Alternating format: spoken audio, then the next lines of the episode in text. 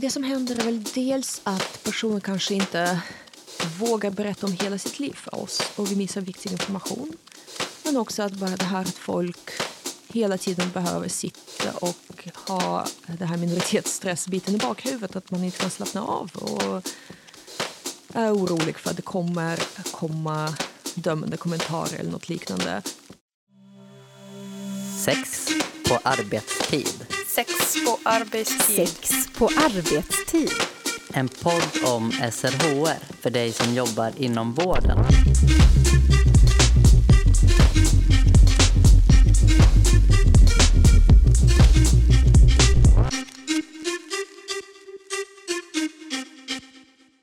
Polly, öppna relationer, flersamhet, relationsanarki. I det här avsnittet pratar vi om relationer bortom tvåsamhetsnormen. Gäst i programmet är Tanja Suhinina som är psykolog och sexolog. Många av Tanjas patienter är just flersamma och Tanja är även aktuell med en bok om flersamhet som både vänder sig till professionella och privatpersoner. Du lyssnar på Sex på arbetstid, en podd från Västra Götalandsregionen. Jag som pratar heter Elin Klingvall och jag gör den här podden tillsammans med min kollega Anna Skoglund. Välkommen hit, Tanja. Tack. Vi ska ju prata om flersamhet med dig idag. Men vi tänkte att vi börjar lite i normen.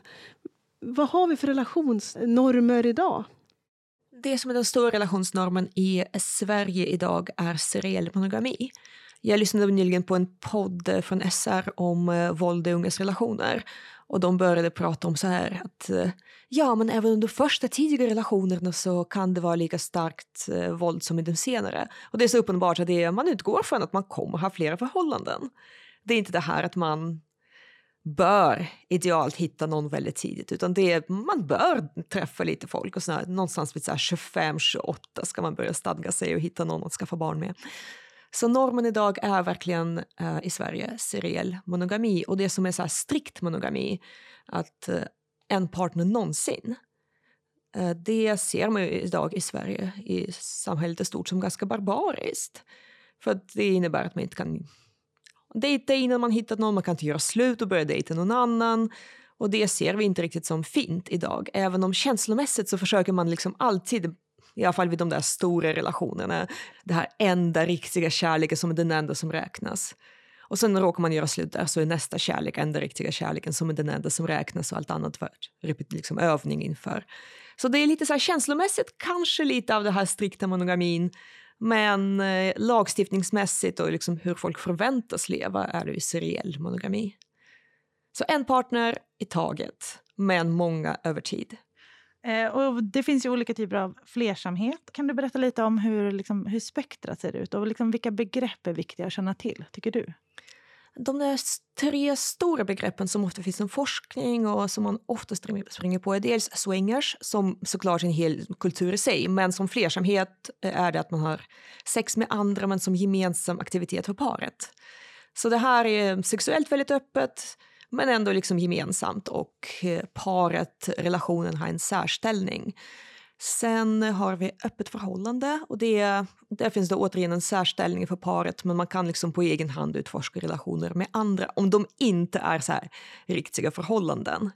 Så man kan liksom inte ha flera pojkvänner, man kan ha sambo, kanske en så älskare eller KK eller liksom något sånt där. Men inte exakt hur de gränserna går är väldigt olika från relation. Men det finns ändå liksom tydligt par som sätter reglerna för alla andra.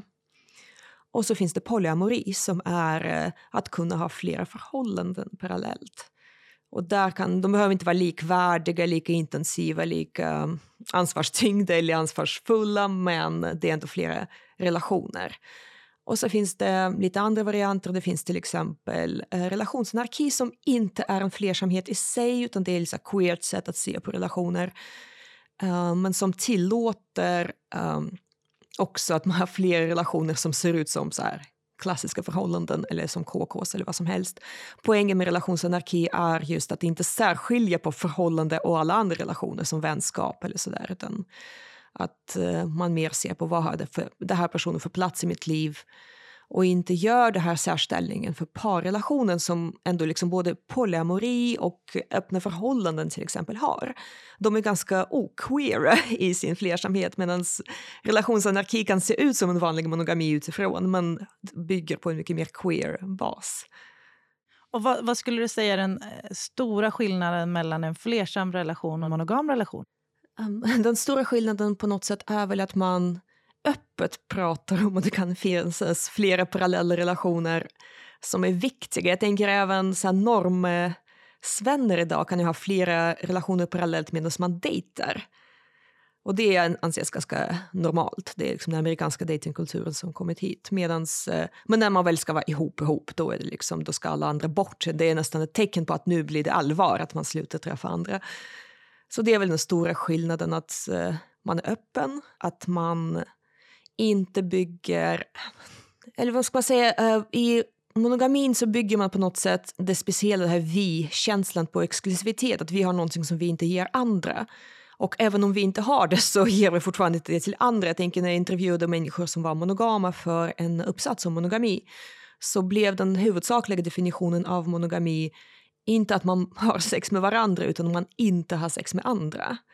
Så det är nästan inte lika så viktigt vad man gör ihop så länge man inte gör vissa saker med andra.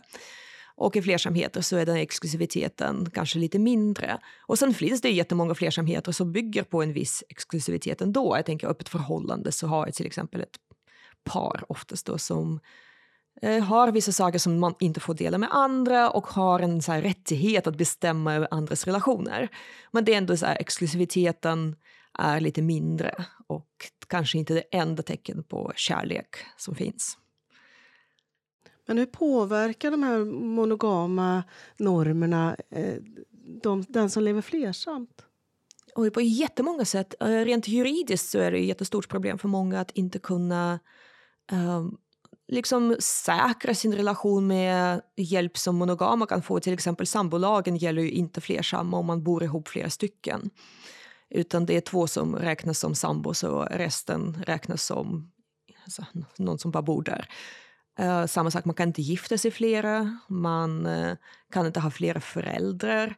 Så, så det finns väldigt mycket juridiskt som är i vägen. Det finns en del praktiska saker som väldigt mycket så här, romantik är riktigt till två. Det är jättesvårt att hitta hotellrum som är romantiskt och funkar för tre. Men, eh, men även såklart bara det ständiga försöket att hantera sina relationer hos omgivningen och att veta att folk kan reagera negativt, folk kanske reagerar positivt men ändå är lite för på med sina frågor, att man inte riktigt vet hur man kommer bemötas. I eh, litteratur i USA så är det också väldigt eh, mycket snack om att man kan få sparken om man är flersam. Men i Sverige verkar det inte vara ett lika stort problem. Vi har lite annan lagstiftning kring eh, arbetssituation. Och inte heller att eh, bli av med barn för att någon sossanmäler en som flersam verkar vara något som händer folk. Vi, jag pratade med en eh, sak, alltså jurist på RFSU om det och ingen av oss kände till något fall där det faktiskt hänt. Däremot kände vi till fall där folk hotats med uh, SOS eller folk blivit anmälda till SOS för att uh, de är flersamma. Alltså orosanmälningar? Orosanmälan för barn, precis. För att man uh, vill att personerna är illa eller för att man på riktigt tänkt att man är en dålig förälder eller man är flera dåliga föräldrar om man lever flersamt. Så det finns liksom hela den här juridiska praktiska biten. Det finns så fördomar bara från kollegor att inte när man sitter och säger ah, vad gjorde ni i helgen behöver ta ett djupt andetag innan man berättar vad man gjort i helgen. Fast det bara var att gå på bio två gånger fast med olika partners till exempel. Så eh, det är väl liksom en del av vad man möter. Att, eh, jag upplever också som eh, jag har ju följt flersamhet i media väldigt länge. Jag har liksom varit med i massa mediedebatter för att jag bestämt mig att nu tar jag alla fighter för att jag är legitimerad psykolog, jag har läst på forskning så jag kan ta de här eh, när någon tycker till. Och jag upplever att det är liksom nu för tiden inte så okej okay att skämta om eller håna eh, transpersoner eller homosexuella i så stora mainstream-medier. men det är ganska fortfarande fritt fram att så här, göra sig lustig över flersamma. Det märks att folk har liksom inte riktigt förstått att det här är en grupp som inte bara är så här ja, ja, men gör er grej, det är väl in, ingen som bryr sig, utan det är faktiskt en grupp som saknar vissa rättigheter och upplever mycket minoritetsstress. Vad, vad tänker du skulle behöva göras för att det ska bli en förändring i det? Jag upplever att det ändå har blivit stor skillnad. Eh, inte minst i medvetenheten att eh, när jag började leva flersamt för 20 år sedan så var jag den enda flersamma jag kände till ungefär och det var jättemycket frågor och folk kunde vara väldigt negativa väldigt fort. Medan det idag är mycket mer mainstream, de flesta känner till eller känner någon som kanske ändå är lite flersam. Och de där riktigt dumma frågorna kommer kanske inte längre. Man kanske tänker dem men inte ställer dem. Den största skillnaden är att synligheten har ökat. Rättigheterna har inte ökat så mycket i praktiken men det har blivit mer synligt och folk har väl börjat bete sig lite bättre. Och jag tror att ju fler vågar vara flersamma och vågar leva öppet med det ju fler säger ifrån, ju fler eh, det här blir någonting som folk faktiskt förstår en del av mångas vardag och inte bara någon så här lustig grej på tv. Du sa där att innan man ska berätta kanske då i fikarummet så får man ta ett djupt andetag. Man ska egentligen bara berätta något vardagligt om helgen. Alltså, är det så att man hela tiden behöver komma ut eh, och välja vilka situationer man kommer ut då med sina relationer? Ja, det är väl precis som med om man nu ska räkna flersamma till hbtq som grupp eller inte, vissa är ju verkligen hbtq på många sätt som är flersamma för att många hbtq-personer är flersamma liksom, uh, med någon sorts grund i sin bi eller homoidentitet och sen är man också flersam för det är vanligare i den gruppen. Men, uh, men det är väl ungefär samma grej att man behöver förhålla sig. Och man behöver också förhålla sig till att man kan ju ganska lätt passera som monogam. Men det innebär att vissa relationer um, blir osynliga och behöver hållas hemliga. Och det i vissa fall är det ganska lugnt, i vissa fall så är det ingen som så här bryr sig nämnvärt och i andra fall så är det väldigt tungt. Det kan också bli jättejobbigt om man till exempel blir dumpad av sin andra partner som ingen, inte ens familjen, inte kollegorna, ingen känner till. Om man är helt hjärtekrossad, om man är förstörd, och man är skitledsen och så kan man inte förklara för omgivningen vad som hänt för att man behövt hålla det hemligt. Alltså det är en enkel grej, men det är fruktansvärt jobbigt. Och såklart så kan det vara väldigt jobbigt för personer att eh, hela tiden hålla som så här små smutsiga hemligheter. Att visst, vi har en relation, det är jättefint, vi älskar varandra, vi kan inte hålla handen på stan. Och det är väl för all del också väldigt likt uh, till exempel homosexuella i många sammanhang. Men jag tänker att just det här att passera som normal, så att säga, ser lite annorlunda ut i den här situationen. Du, du jobbar som psykolog och en av din vanligaste patientgrupper är just flersamma. Är det, är det omgivningen som, som är det största problemet för flersamma eller finns det andra problem som, som de söker sig till dig för att prata om? Jag tänker att om de söker sig till mig när de känner att de behöver en psykolog. Och då är det väl mer kanske känslor och hur ska vi göra så att det blir bra och någon så barndomstrauman som dyker upp. Eh, då är det kanske lite mer den typen av problem. Sen tänker jag om man kollar i polyforum på internet och sånt, då är det mycket mer av det här, hur ska jag prata med mina föräldrar och det är jobbigt på jobbet eller tvärtom, jag berättade om det här på jobbet och så blev det jättebra. Så det, ehm, till mig kommer ju folk mer för det individuella känsloproblem. Vilka är de vanligaste problemen hos de flersamma relationer du möter? Dels så är det till exempel eh, svartsjuka, att man inte är van vid den här situationen och den dyker upp och man behöver liksom ta reda på vad handlar en svartsjuka om. Eh, det kan också vara att man eh, kanske också har lite svårt med att tillåta sig själv att känna för flera personer för att man är själv lite rädd för att, ja, tänk om det betyder att jag slutar tycka om min partner.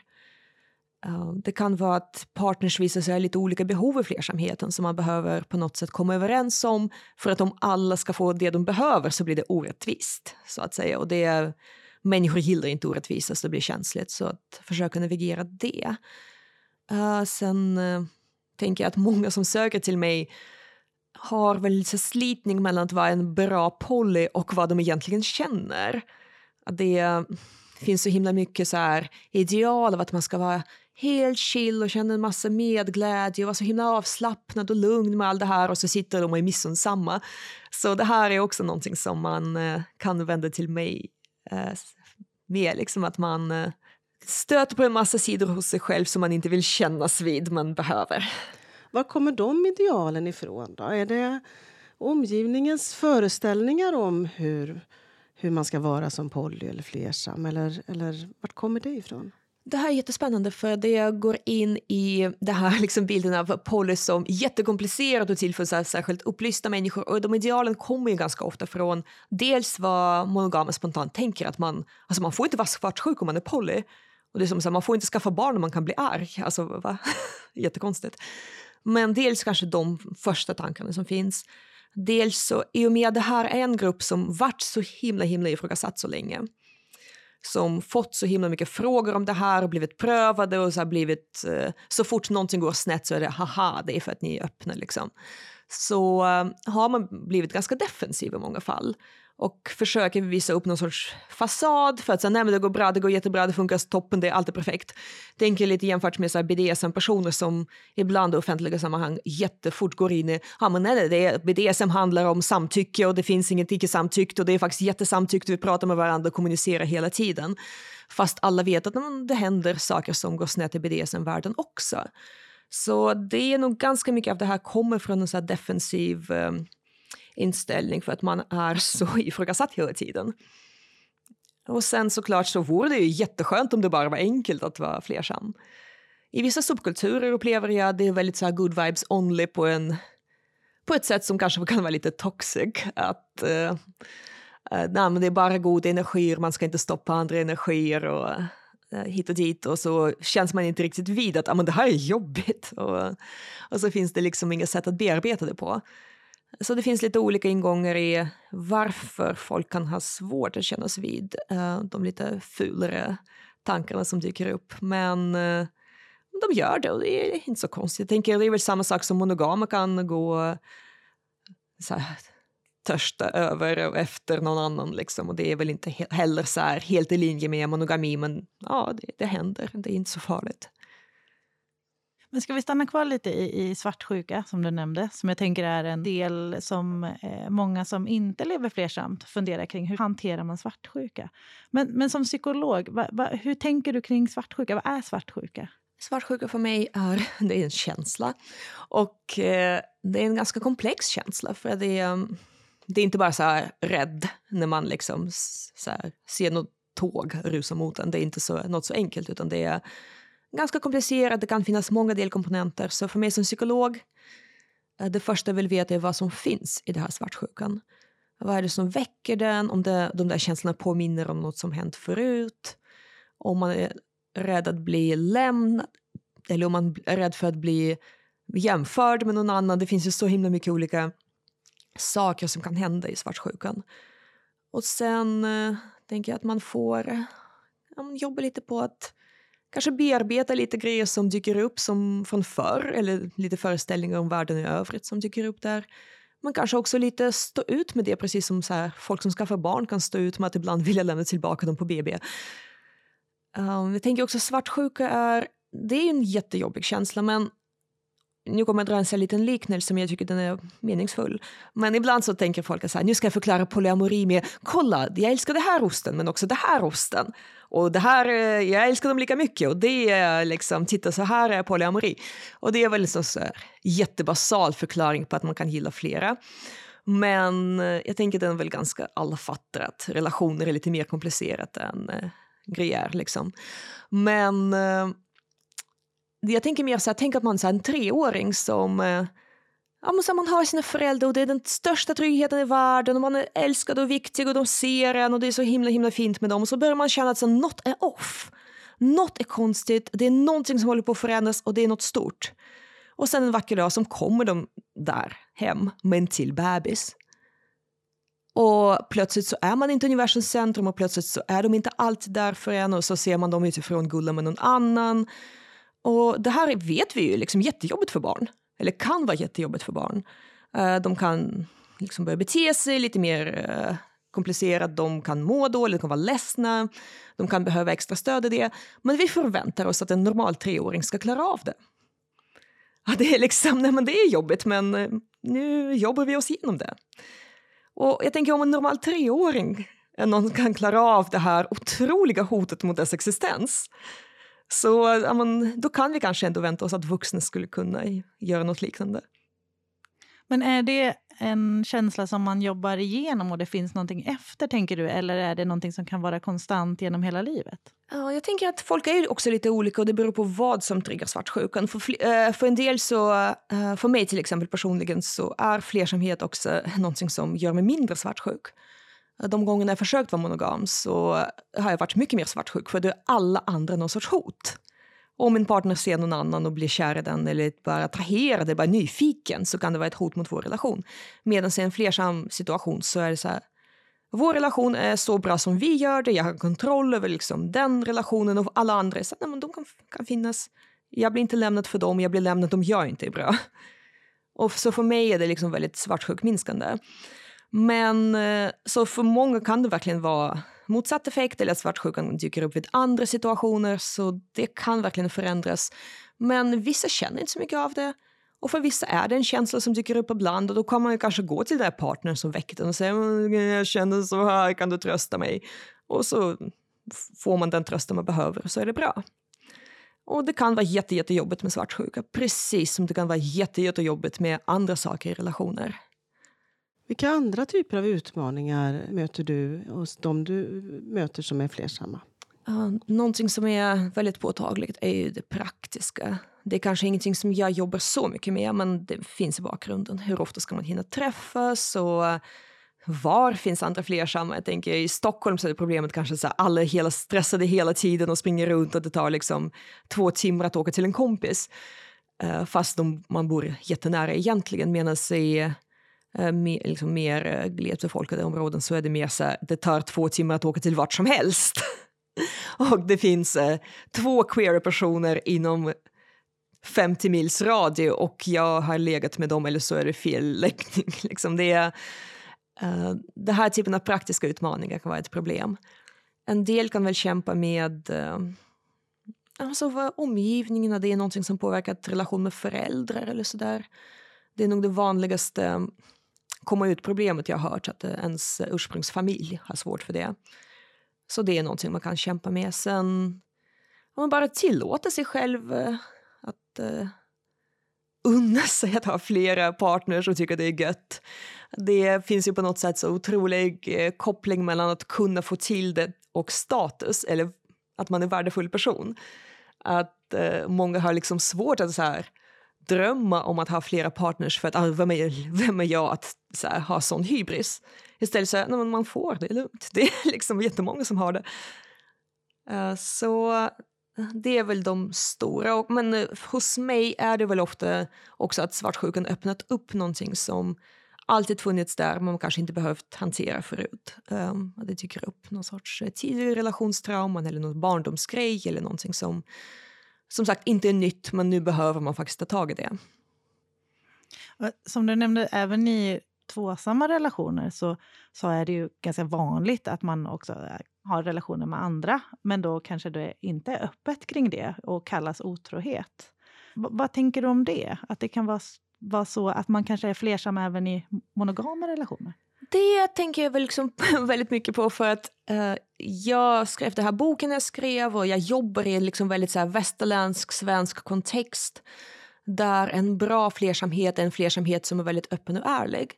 Men det finns ju jättemycket kulturer där uh, man så det lite förväntas att man å ena sidan håller ihop väldigt länge men å andra sidan har lite grejer vid sidan om då och då. Det är något som man tänker kommer hända. Och det är kanske inget man är så superlycklig över alla gånger, men det är ändå liksom en del av livet. Det är verkligen så här, så här fåglarna, de lever så. De har så sina stabila par och sen ligger de runt. Liksom. Men eh, jag tänker det, när man pratar flersamhet i Sverige idag så är det här liksom någonting som man inte tycker är särskilt fint och passande och bra, men samtidigt så verkar det funka rätt bra. Det är liksom helt okej, okay. inte mycket sämre än något annat i andra samhällen, i andra sammanhang. Så jag tänk, och även liksom med olika såklart undergrupper i Sverige. Det är på något sätt eh, helt okej okay att vara vänstra lite på jobbresan eller att eh, när mitt band är på turné så ja, men ibland så ligger man med någon. Liksom.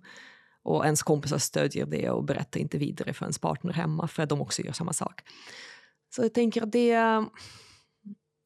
Ja, otrohet är dåligt, man ska inte ljuga allt det här men samtidigt så um, tror att man kan vara lite mer nyanserad. Att, uh, att det kan funka på lite olika sätt i lite olika situationer. Och det, det här att det är lite okej okay att ha saker vid sidan om och man samtidigt är väldigt tillägnad den här grundrelationen. kan funka för många. Kan man vara otrogen i en flersam relation? Ja, det kan man. Det, det går jättebra. Och dels eh, så är det ju så med till exempel swingers eh, i det sammanhanget, om det är det man kommit överens om att ligga med någon på egen hand skulle vara nästan identiskt med en monogam relation. Det är exakt det som utgör liksom, otrohet. Men eh, vi har ju pratat om olika typer av eh, flersamhet, olika typer av ramar. Och otrohet definieras ofta i någon sorts rambrytning. Att nu kommer vi överens om att du får så här, dejta din KK men du får inte få känslor och nu har du fått känslor. Det är otrohet. Eller liksom du lovat att ni ska ligga med kondom eller du har lovat att ni inte ska göra just det här sexgrejen och nu har ni gjort det här sexgrejen så det känns som, en, som ett svek. Så absolut, rambryt kan vara väldigt, väldigt jobbigt. Och jag tänker att de kan ibland vara extra jobbiga just för att man har ju tillåtit vad som helst. Man har liksom eh, sagt att så här, om du vill något kan vi prata om det. Och så gör personen ändå någonting i smyg. Det kan många tycka är väldigt känsligt. Och det är också någonting som, en, apropå så här, vad folk kommer med mig, till mig för, det är liksom också en sak som ibland kan hända att man öppnar upp relationen och så där någonstans så är det någon som ändå lyckas gå över en gräns. Och där blir det jättejobbigt för att eh, man har försökt bygga det på tillit och så försvinner den och så försöker man jobba med det.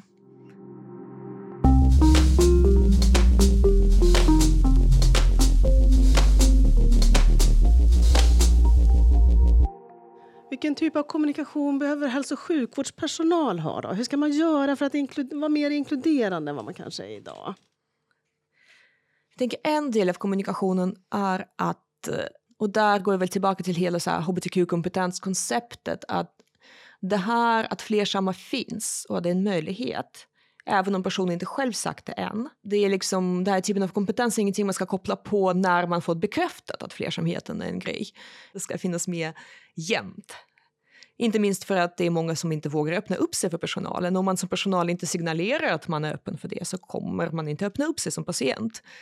Och det, då missas viktig info i många fall. Hur kan man göra det för att visa att man är öppen? Jag tänker dels, många har ändå någon sorts idé om hur man gör det om hbtq-frågor i stort. Det är ofta en signal för den flersamma terapin. Att om man eh, ställer väldigt öppna frågor, är väldigt normmedveten eh, så kan man nog också prata om flersamhet. Men jag tänker en så banal, enkel grej är om man behöver fylla i några formulär innan man kommer till besöket. Att ha alternativ där som um, flersamma kan använda sig av. Alltså att fråga om partners? Ja, men till exempel partners och lämna lite utrymme för att skriva flera. Eller att uh, man inte behöver välja en. Så här, ha fast partner, partners, har engångspartners till exempel. Så funderar jag lite grann på när man formulär, uh, gör ett sånt här formulär. Okej, okay, vi har en person som kommer hit som har två fasta partners och dejta lite vid sidan om. Ska den kunna liksom fylla i formulär på ett meningsfullt sätt? Meningsfullt sätt? Sen tänker jag också att en, en jättevanlig grej är att vi använder par synonymt med relation. Att man har parterapi till exempel. Och att på något sätt signalera att jag menar inte bara par. I sina workshops eller liksom i sina eh, när man har bokningssidor för sina terapitimmar att på något sätt signalera att ja, men, även andra är välkomna, även triader är välkomna. Och det är ingenting som tar ifrån liksom vanliga normala monogama men det är någonting som hjälper flersamma. Vilka ord skulle man kunna använda där? Eller mm. att vi behöver ha fler ord? Jag använder... Uh, jag har liksom terapi för en och terapi för fler än, fler än en. Jag minns inte riktigt hur jag formulerat. Relationsterapi skulle man kunna säga liksom något liknande. Jag tycker också det är svårt att hitta ett begrepp. Det finns liksom inget begrepp på svenska men att någonstans signalera att jag menar inte bokstavligen par kan göra väldigt stor skillnad för inkluderingen. Och där behöver man inte ens prata med någon, det är bara något som så finns på hemsidan, toppen. Eller något som finns i formulär, jättebra. Och det stör inte alla andra, liksom, men de som behöver få de signalerna, det är okej. Okay. Och sen såklart att liksom inte riktigt utgå från att bara för att personen är monogam just nu, att det är liksom så den alltid levt och det är så den alltid kommer leva när man pratar om någons hypotetisk framtid att inkludera normbrytande varianter utan att vara påträngande med dem men ändå liksom ta upp det som eh, möjlighet. Det är så vanligt att säga partners nu till exempel att jag inte ens tänker på det och det är, det är liksom eh, väldigt sällan det blir ett problem.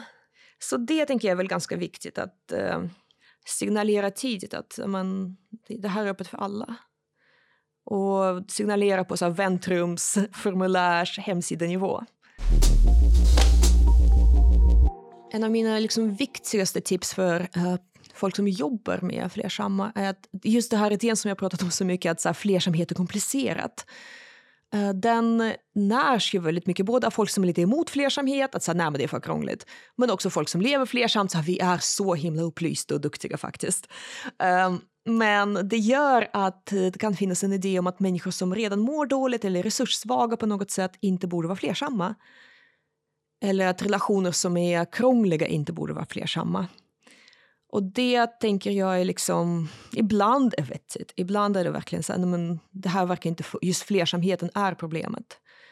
Men eh, vårdpersonal eller annan typ av samtalsproffs har ibland lite för lätt att hoppa på. Nej men stäng till, det är det första ni ska göra om det är jobbigt.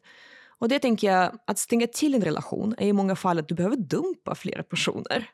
Eh, att Eh, föreslå att man ska stänga till relationen som lösning är väl ungefär som att föreslå till folk att de ska dumpa sin monogama partner som lösning. Det som är viktigt för mig här är att inte hamna i att eh, föreslå att man ska stänga till på slentrian och att inte hamna i att tänka att flersamhet är bara komplicerat eller för komplicerat för människor som inte mår bra. Ehm, för jag tänker att för flera människor som kanske är deprimerade, sjukskrivna, har ont eller är jättestressade så kan flersamhet för dem vara typ det enda som är kul. Det kan vara uh, det som faktiskt gör att deras partners inte dras med i deras depression, att man kan dela upp det lite grann. Det kan vara att det är typ det man orkar i umgängesform just nu så det kan också vara en stor styrka. Eller att man kan ha flera personer som stöttar en till sjukhuset när man får uh, otrevligt besked. Så att ha flera partners är verkligen inte bara till för folk som redan har allt annat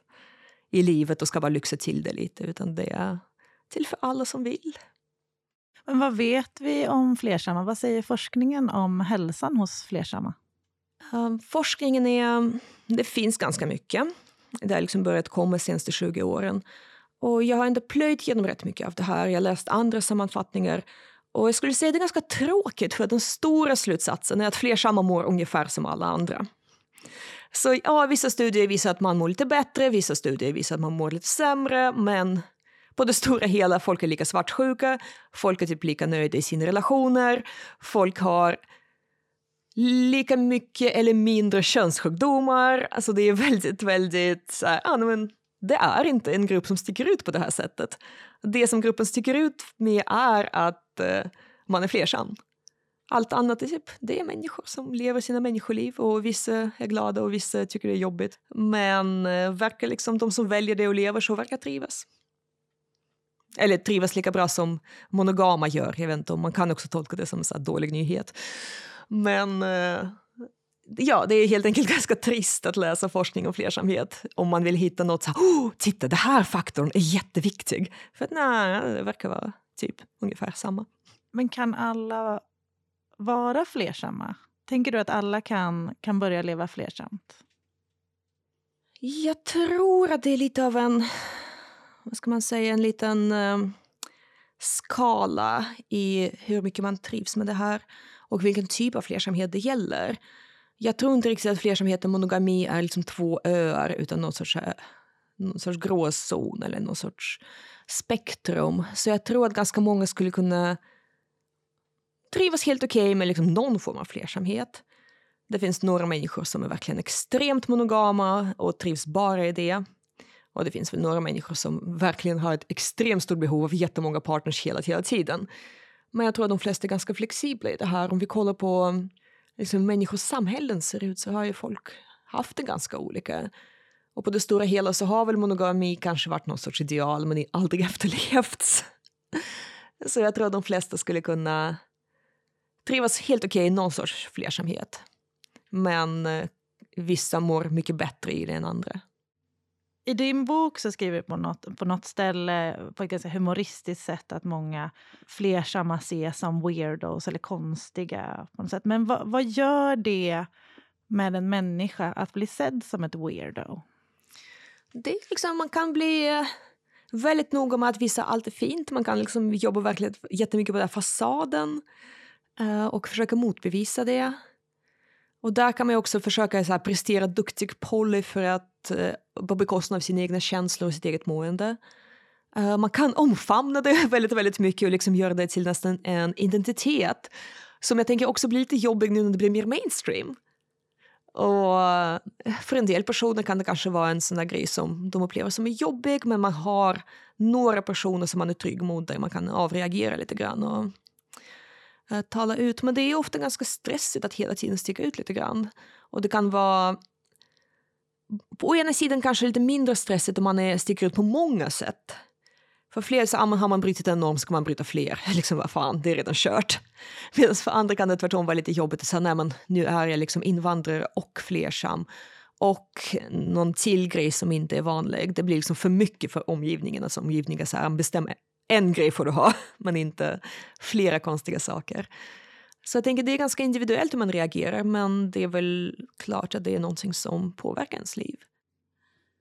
Ja, för det är ju faktiskt så att det här är en av dina vanliga patientgrupper och folk reser ju till dig eller söker upp dig från eh, hela landet. Vad tror du det beror på? Är det för att du själv är öppen med att du är flersam eller hur kommer det sig att man söker sig till dig? Jag har ju varit eh, flersam väldigt länge och öppen med det hela tiden. Så det har gjort att jag syns i tidningar och sånt där sedan liksom mitten av 00-talet kanske. Så jag ändå liksom, innan jag ens blev psykolog så blev jag tillfrågad om att föreläsa eller expertuttala mig och sådär. Så folk känner väl till mig sedan ganska länge och, och människor är så rädda att eh, behöva förklara sig för en psykolog att de ibland söker upp mig för att något helt relaterat till flersamheten.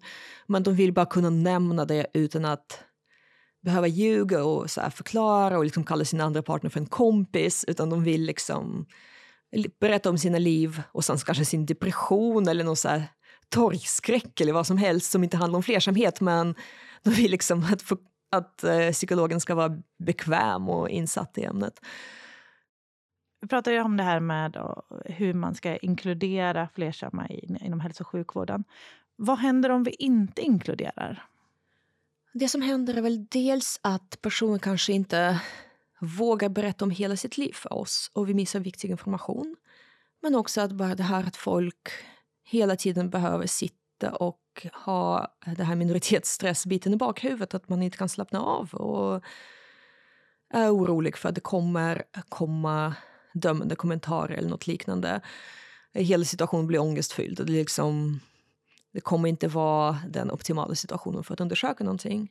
Dels så missar man viktig info och dels så eh, försätter vi personer i ett läge där de inte riktigt visar vem de är på ett avslappnat sätt.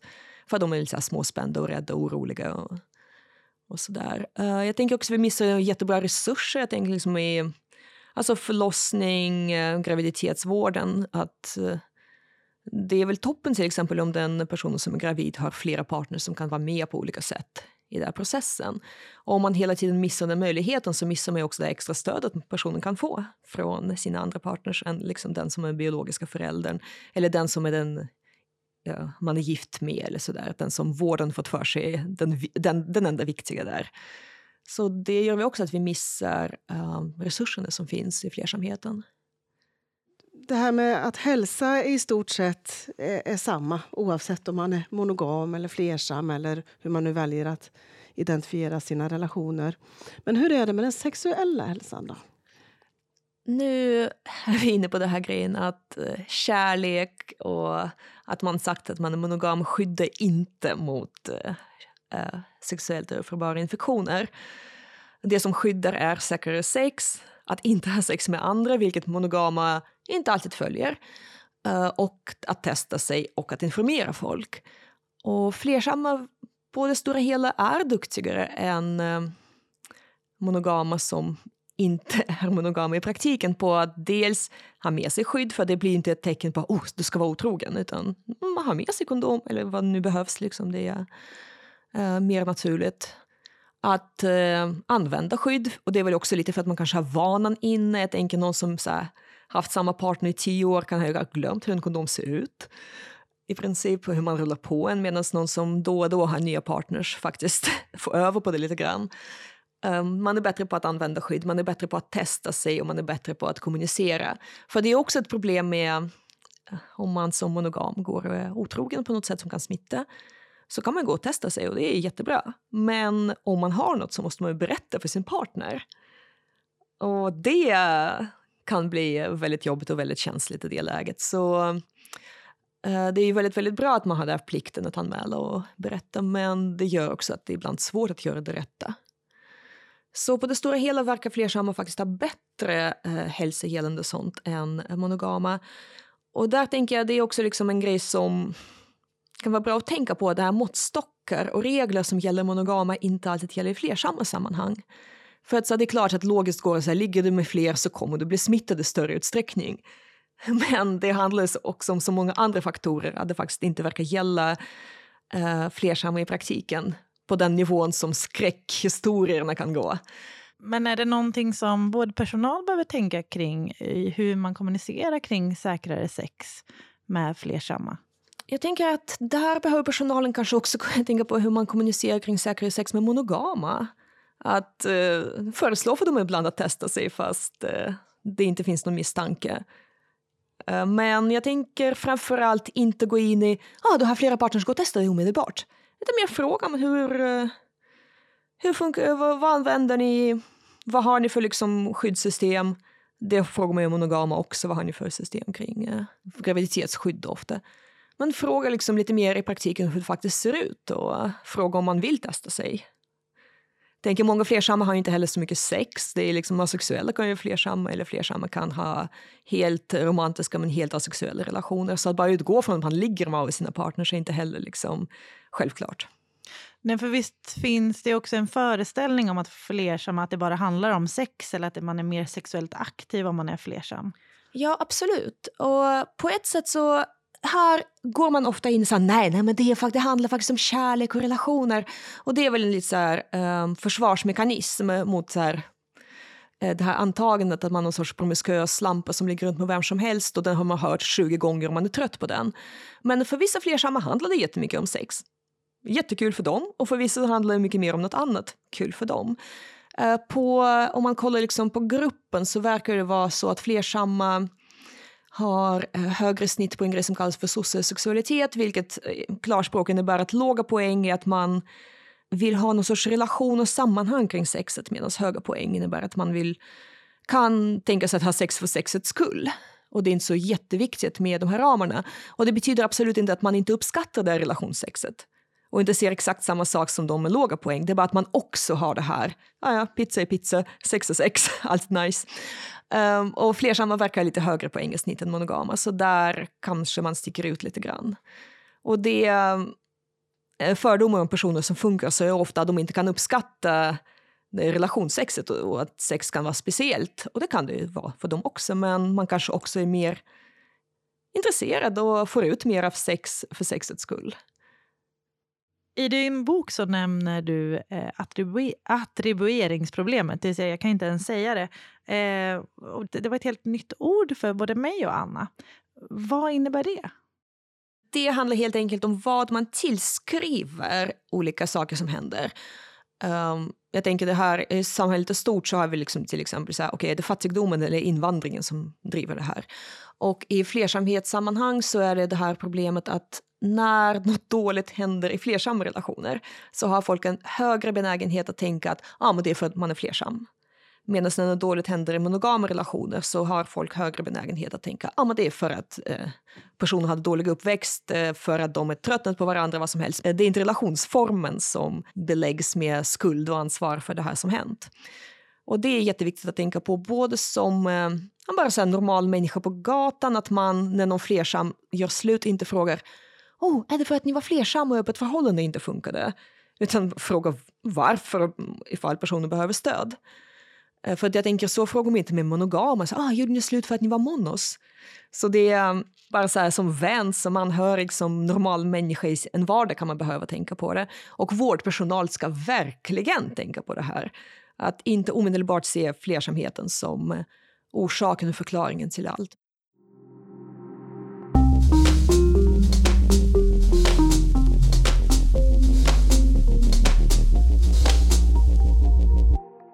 Vi brukar ju avsluta vår podd med att vår gäst får ge tre tips till vårdgivare.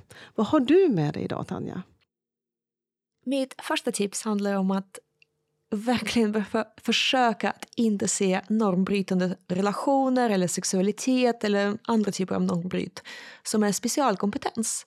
Utan se det som en självklar kompetens i att vara med människor oavsett om de är gamla, unga, kollegor, chefer eller patienter eller brukare. Så att det inte blir en sån där grej som ah, men Maja på vår mottagning är jätteduktig på det här och alla andra inte behöver tänka på.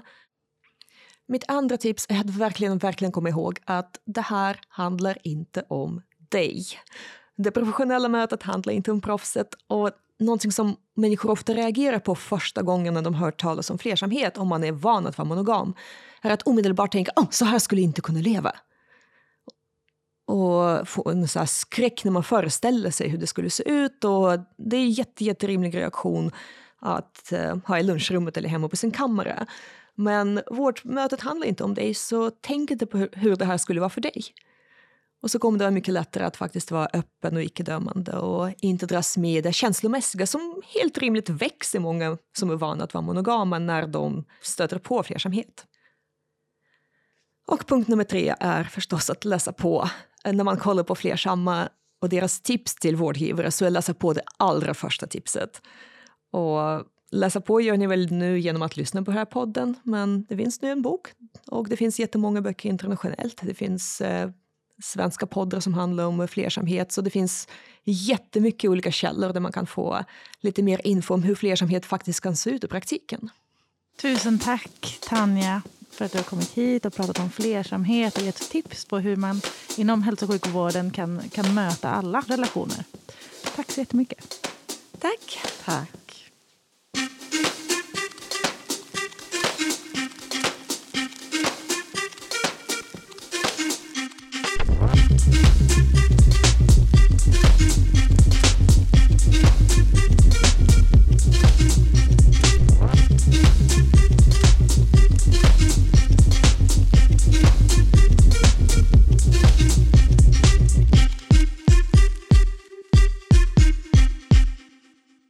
Hört Sex på arbetstid, en podd som görs av Kunskapscentrum för sexuell hälsa, en del av Västra Götalandsregionen. Producent var Elin Klingvall.